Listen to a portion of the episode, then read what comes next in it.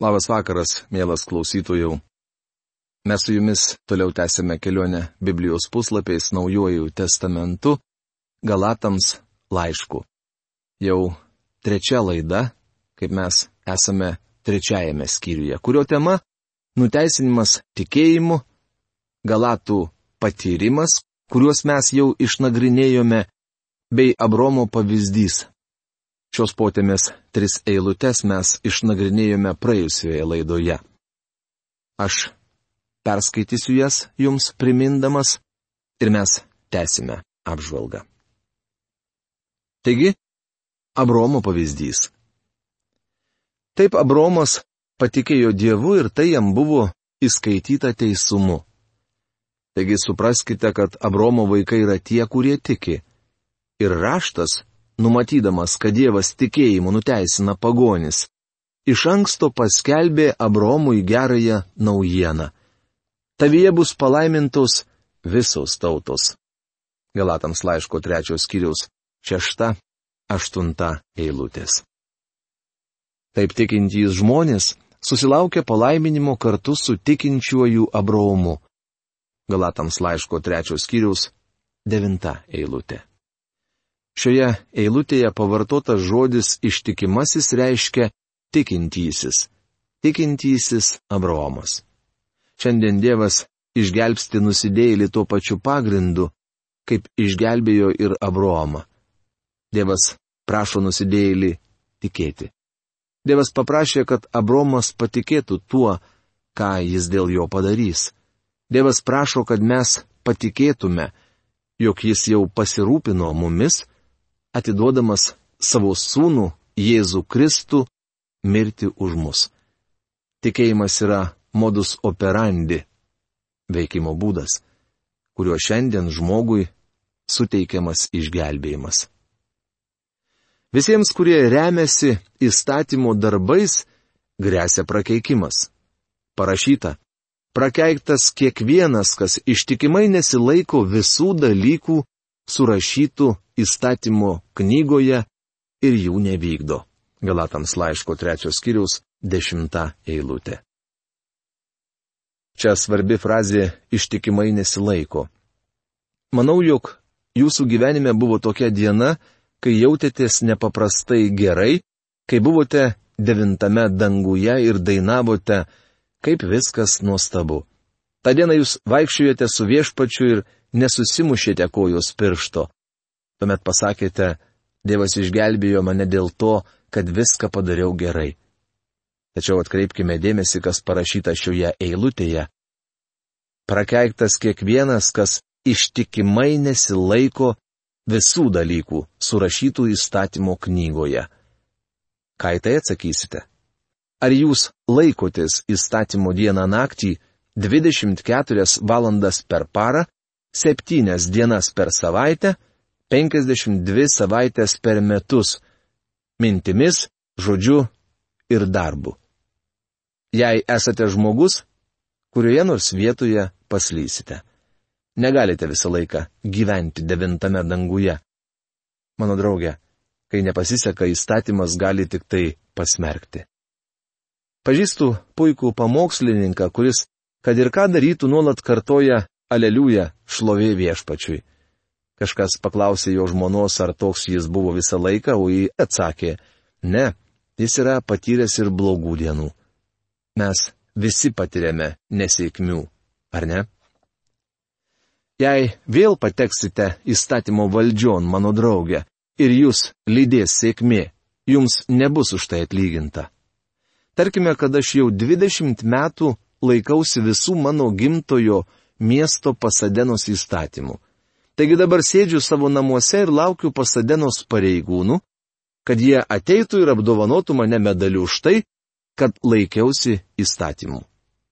Noriu Jums pasakyti, jog už įstatymų laikymasi pasadenoje medalių nedalina. Jei būčiau laikęsis visų įstatymų 20 metų, o po to kažką pavogęs arba viršijas leistina greitį, mane suimtų. Matote, įstatymas neduoda atlygio Įstatymas neteikia gyvenimo, įstatymas tik tai baudžia. O tikėjimas, mano draugė, jums šitą duoda. Jis suteikia gyvenimą. Amžinai gyvenimą. Kad įstatymų niekas nenuteisinamas Dievo akise aišku, nes teisusis gyvens tikėjimu.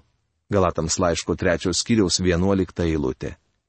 Netgi Senajame testamente buvo mokoma, jog žmogus išgelbstimas tikėjimu. Ten neparašyta, jog kas nors buvo išgelbėtas laikydamasis įstatymu. Jei rasite parašyta, jog kas nors gyvenęs įstatymo valdžioje buvo išgelbėtas laikydamasis įstatymo, pasakykite man. Kaip žinote, Mozės įstatymo esmė buvo aukų sistema. Mozė džiūgavo, kad Dievas galėjo teikti malonę ir gailestingumą žmonėms netgi įstatymo valdžioje. Štai kodėl jo veidą šviesdavo. Habakuko knygos antros kiriaus ketvirtoje eilutėje parašyta, jog teisų žmogus gyvena savo tikėjimu. O įstatymas nėra kilęs iš tikėjimo, nes kas juos vykdo, tas gyvens jais. Galatams laiško trečios kiriaus dvylikta eilutė. Ši eilutė taip pat svarbi. Tikėjimas ir įstatymas yra du priešingi išgelbėjimo ir gyvenimo principai. Vienas išbraukia kitą. Jie diametraliai vienas kitam priešingi. Jei nori gyventi pagal įstatymą, negali būti išgelbėtas per tikėjimą. Tai nesuderinama. Pateiksiu Jums pavyzdį.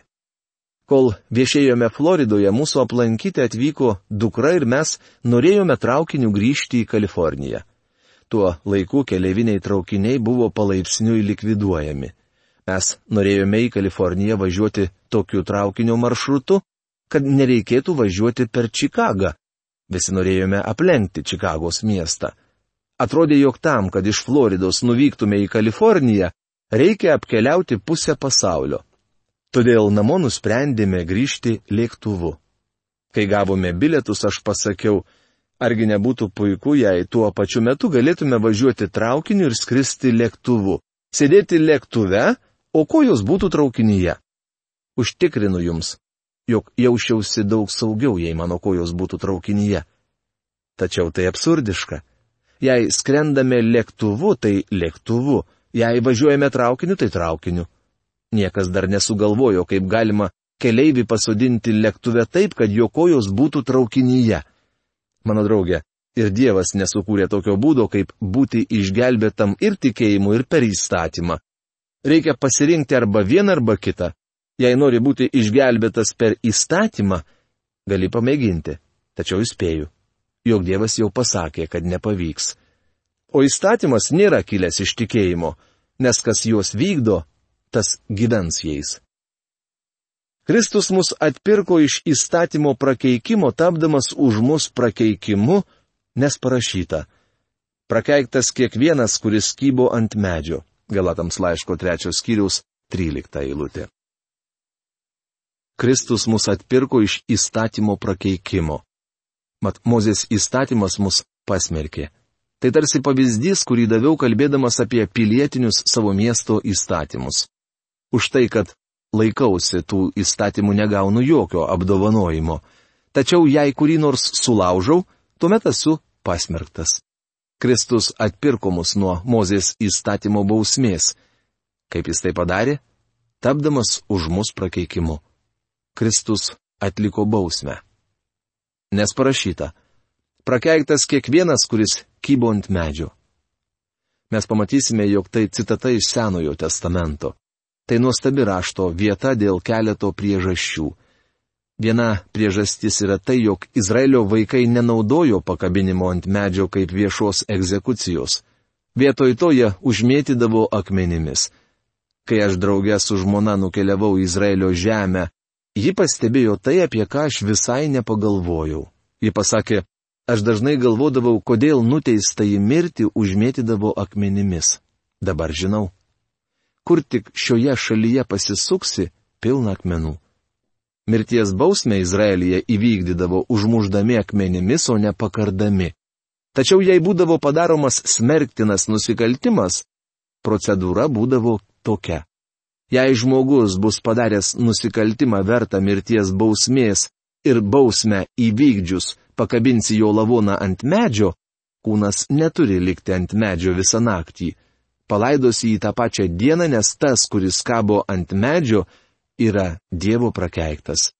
Tu neturi teršti žemės, kurią viešpats tavo Dievas duoda tau paveldėti, rašoma pakartoto įstatymo 21 skyriaus 22-23 eilutėse. Tai reiškia, jog jei žmogus padarė baisų nusikaltimą ir buvo užmuštas akmenimis, jo kūną galėdavo pakabinti ant medžių, kad visi galėtų pamatyti. Tačiau kūno nebuvo galima palikti pakabinto nakčiai. Priežastis, kurią Dievas nurodo, yra tokia. Jis prakeiktas Dievu. Tu neturi teršti žemės, kurią viešpats tavo Dievas duoda tau paveldėti. Kristus tapo prakeikimu už mus. Kyla klausimas, Kada Kristus tapo prakeikimu? Ar jis tapo prakeikimu, kai įsikūnijo? O ne. Kai jis gimė, apie jį sakė, tavo kūdikis bus šventas, rašoma Luko Evangelijos pirmos kiriaus 35 eilutėje. Ar jis tapo prakeikimu tais tyliais metais, apie kuriuos labai mažai žinome? Ne. Parašyta, jog jis augo malonė Dievo ir žmonių akise. Luko Evangelijos antros kiriaus 52 eilutėje. Ar jis tapo prakeikimu savo tarnavimo metu? O ne. Kaip tik jo tarnavimo žemėje metu tėvas pasakė, šitas yra mano mylimasis sunus, kuriuo aš geriuosi. Rašoma Mato Evangelijos trečios kiriaus 17 eilutėje. Vadinasi, jis turėjo tapti prakeikimu kabodamas ant kryžiaus.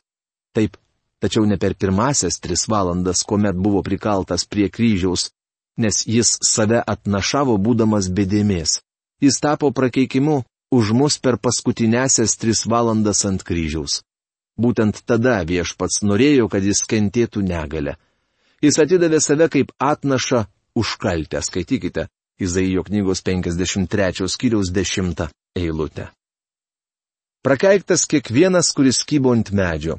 Graikiškai medis yra hulon ir reiškia mediena, rastas arba medis. Kristus buvo pakabintas ant medžio.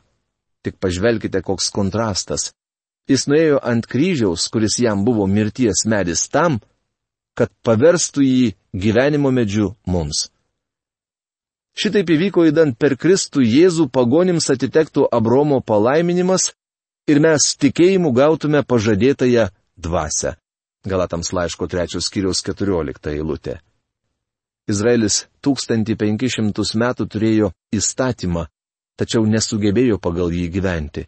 Jeruzalės apaštalų susirinkime, kuris aprašytas apaštalų darbų 15 skyriuje, Petras tiesą sakant pasakė, nei mes patys, nei mūsų protėviai nesugebėjome laikytis įstatymo.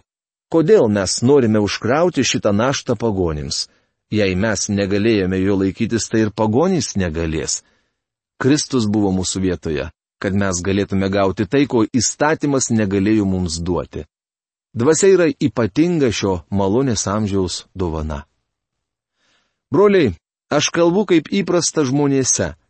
Net žmogaus teisėto testamento niekas negali atmesti ar papildyti. Galatans laiško 3 skyriaus 15 eilutė. Tarkime, jog jūs sudarote su žmogumi sutartį, pagal kurią mokėsite jam 100 dolerių. Maždaug po metų nusprendžiate, kad mokėsite jam tik 50 dolerių. Jūs pasinueinate ir pareiškite. Štai 50 dolerių, kuriuos esu tau skolingas. Žmogus nustemba. Lūktelėk, tu sutikai mokėti man 100 dolerių. O jūs atrėžite, aš apsigalvojau, jis sako, ne, taip negalima. Negali pakeisti sutarties po to, kai ji buvo sudaryta. Pažadai buvo duoti Abromui ir jo ainijai, nėra pasakyta ir ainėms, nedaugiskaita, bet kaip apie vieną. Ir tavo ainijai tai yra Kristui. Galatams laiško trečios skyriaus šešiolikta eilutė. Juozapo Skviretsko vertime ši eilutė išversta tiksliau. Pažadai buvo padaryti Abraomui ir jo sėklai, nesakoma ir sėkloms, lygad jų būtų daug, bet apie vieną. Ir tavo sėklai, tai yra Kristui. Dievas pašaukė Abromą ir pažadėjo padaryti jį palaiminimu pasauliui. Jis padarė jį palaiminimu pasauliui per Jėzų Kristų, Abromo palikonį. Kristus yra tas, kuris atnešė pasauliui išgelbėjimą. Žodis sėkla kalba konkrečiai apie Kristų. Skaitykite pradžios knygos 22 skyriaus 18 eilutę. Kristus pasakė, jūsų tėvas Abromas džiūgavo, kad matysės manąją dieną. Jis ją išvydo ir džiaugiasi. Rašoma Jono Evangelijos 8 skyriaus 56 eilutėje. Aš noriu pasakyti, Dievo patvirtinto testamento negali panaikinti po 430 metų atsiradęs įstatymas ir jis negali pažado paversti niekais. Galatams laiško trečios skyriaus 17 eilutė. Dievas davė pažadą, sudarė sandūrą su Abromu. Kai po 430 metų atsirado įstatymas, jis nieko nepakeitė, kalbant apie Abromui duotus pažadus. Iš tikrųjų, Dievas niekuomet neatšaukė savo pažadų. Dievas Abromui pažadėjo, duosiu tau šią žemę, duosiu tau sūnų ir tautą, kuri bus tokia gausi kaip pajūrio smiltys. Dievas savo pažadą išpildė ir iš Abromo išvedė Izraelio tautą bei keletą kitų tautų. Tačiau pažadai buvo duoti per Izaoką, iš kurio giminystės linijos kilo viešpas Jėzus Kristus, sėkla, kuri minima 16 eilutėje. Taip pat Dievas Abromui pažadėjo, jog per jį palaimins visas tautas. Mano draugė, šiandien šiame pasaulyje vienintelis palaiminimas yra Kristus. Gali nelabai daug tikėtis iš kaimyno, verslo ar bažnyčios. Nemanau, jog pasaulis būtų pasiruošęs labai daug jums duoti. Tačiau jums buvo atiduotas viešpats Jėzus Kristus, o tai yra labai daug. Iš tikrųjų tai didžiausia Dievo dovana. Tai Dievo pažado, kad jis išgelbės tuos, kurie patikės Kristumi, išsipildymas. Jei paveldėjimas būtų iš įstatymo, tai negalėtų būti iš pažado, o Dievas dovanojo jį Abromui pažadu. Galatams laiško trečios kiriaus 18 eilutė. Pažadas dėl Kristaus buvo duotas dar tuo met, kai nebuvo Mozės įstatymo ir tas pažadas galioja taip tarsi to įstatymo nei nebūtų, mano draugė. Pažadas buvo duotas nepriklausomai nuo įstatymo. Kila klausimas, kam buvo duotas įstatymas, ko jis vertas? Nemanykite, jog Paulius sumenkina įstatymo svarbą, kaip tik jis stengiasi padėti žmonėms suvokti įstatymo tikslą. Jis parodo įstatymo didybę, pilnatvę ir tobulumą. Tačiau jis taip pat atskleidžia, kad dėl įstatymo tobulumo atsiranda barjeras, kurio nei jūs, nei aš negalime peržengti ir negalime tapti priimtini Dievui. Dabar paklausykime, ką Paulius rašo apie įstatymo tikslą. Tad kamgi reikalingas įstatymas? Jis buvo pridėtas dėl nusižengimų, kol ateis palikuonis, kuriam skirtas pažadas.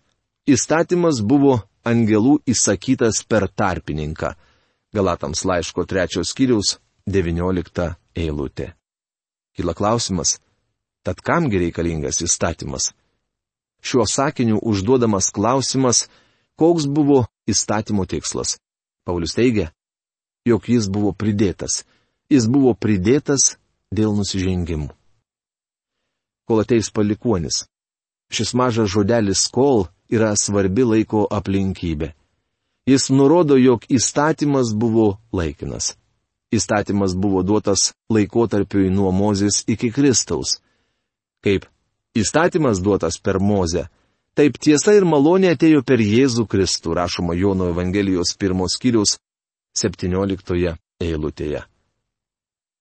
Labai svarbu suprasti, kad įstatymas buvo duotas laikinai, kol ateis palikonis arba sėkla, o toji sėkla - tai Kristus. Įstatymas buvo pridėtas dėl nusižengimų. Jis buvo duotas tam, kad nuodėmė būtų atskleista, o ne pašalinta. Jis buvo duotas ne tam, kad apsaugotų žmogų nuo nuodėmės, nes nuodėmė jau buvo atėjusi. Jis turėjo parodyti, kad žmogus yra iš prigimties bjaurus, šlikštus nusidėjėlis prieš Dievą. Bet kuris nuoširdus žmogus, pažvelgęs į save įstatymo šviesoje, pamato, jog yra kaltas. Įstatymas buvo duotas ne tam, kad įrodytų, jog visi žmonės nusidėjėliai. Ir ne, kaip šiandien tvirtina daugelis liberalų, kaip standartas, kurio laikydamasi žmogus tampa šventas. O į mano draugę tokiu būdu niekuomet netapsi šventas, nes visų pirma, negali laikytis įstatymų savo jėgomis. Daugelis mano, jog žmogus tampa nusidėjėlis, kai padaro nuodėmingą veiksmą ir kad su juo viskas gerai, kol suklumpa ir nusėda. Tai netiesa. Žmogus daro nuodėmę todėl, kad jis jau yra nusidėjėlis. Žmogus vagia todėl, kad jis vagis. Meluoja todėl, kad jis melagis. Aš pats save sugaunu meluojantį, nors tuo kaltinu kitus žmonės. Ryte išeinu iš namų ir pirmas mano sutiktas žmogus pareiškia, oi kokia puikia diena. O aš pritariu taip tikrai. Kai iš tiesų diena maloniojoje Kalifornijoje pilna smogo. Aš meluoju. Vėliau žmogus pasiteirauja, kaip šiandien laikaisi. Jei atvirai, tai visai nesijaučiu gerai, tačiau atsakau, kuo puikiausiai. Vos per keletą minučių aš jau du kartus pamelavau. Mano draugė, mums įprasta taip elgtis. Kai kurie iš mūsų meluoja daug rimčiau. Kodėl mes taip elgiamės? Mūsų prigimtis puolusi. Įstatymas buvo duotas, kad parodytų, jog esame nusidėjėliai ir mums reikalingas tarpininkas. Tas, kuris stovėtų tarp mūsų ir Dievo. Tas, kuris mums padėtų. Tad gal įstatymas priešingas Dievo pažadams? Anaip tol. Jei būtų duotas įstatymas, galintis teikti gyvybę, tai iš tikrųjų teisumas eitų iš įstatymo. Galatams laiško trečios skyriaus 21 eilutė. Tad gal įstatymas priešingas Dievo pažadams? Žodis anaip tol reiškia jokių būdų. Kodėl? Jei būtų buvęs kitas būdas išgelbėti nusidėjėlius, Dievas būtų juo pasinaudojęs. Jei jis būtų galėjęs duoti įstatymą, per kurį nusidėjėliai išsigelbėtų, jis būtų tai padaręs. O kągi tas raštas rašo toliau ir kas lypi už to bet, mes su jumis sužinosime jau kitoje laidoje. O šios dienos laidos laikas baigėsi. Iki malonaus susitikimo. Sudė.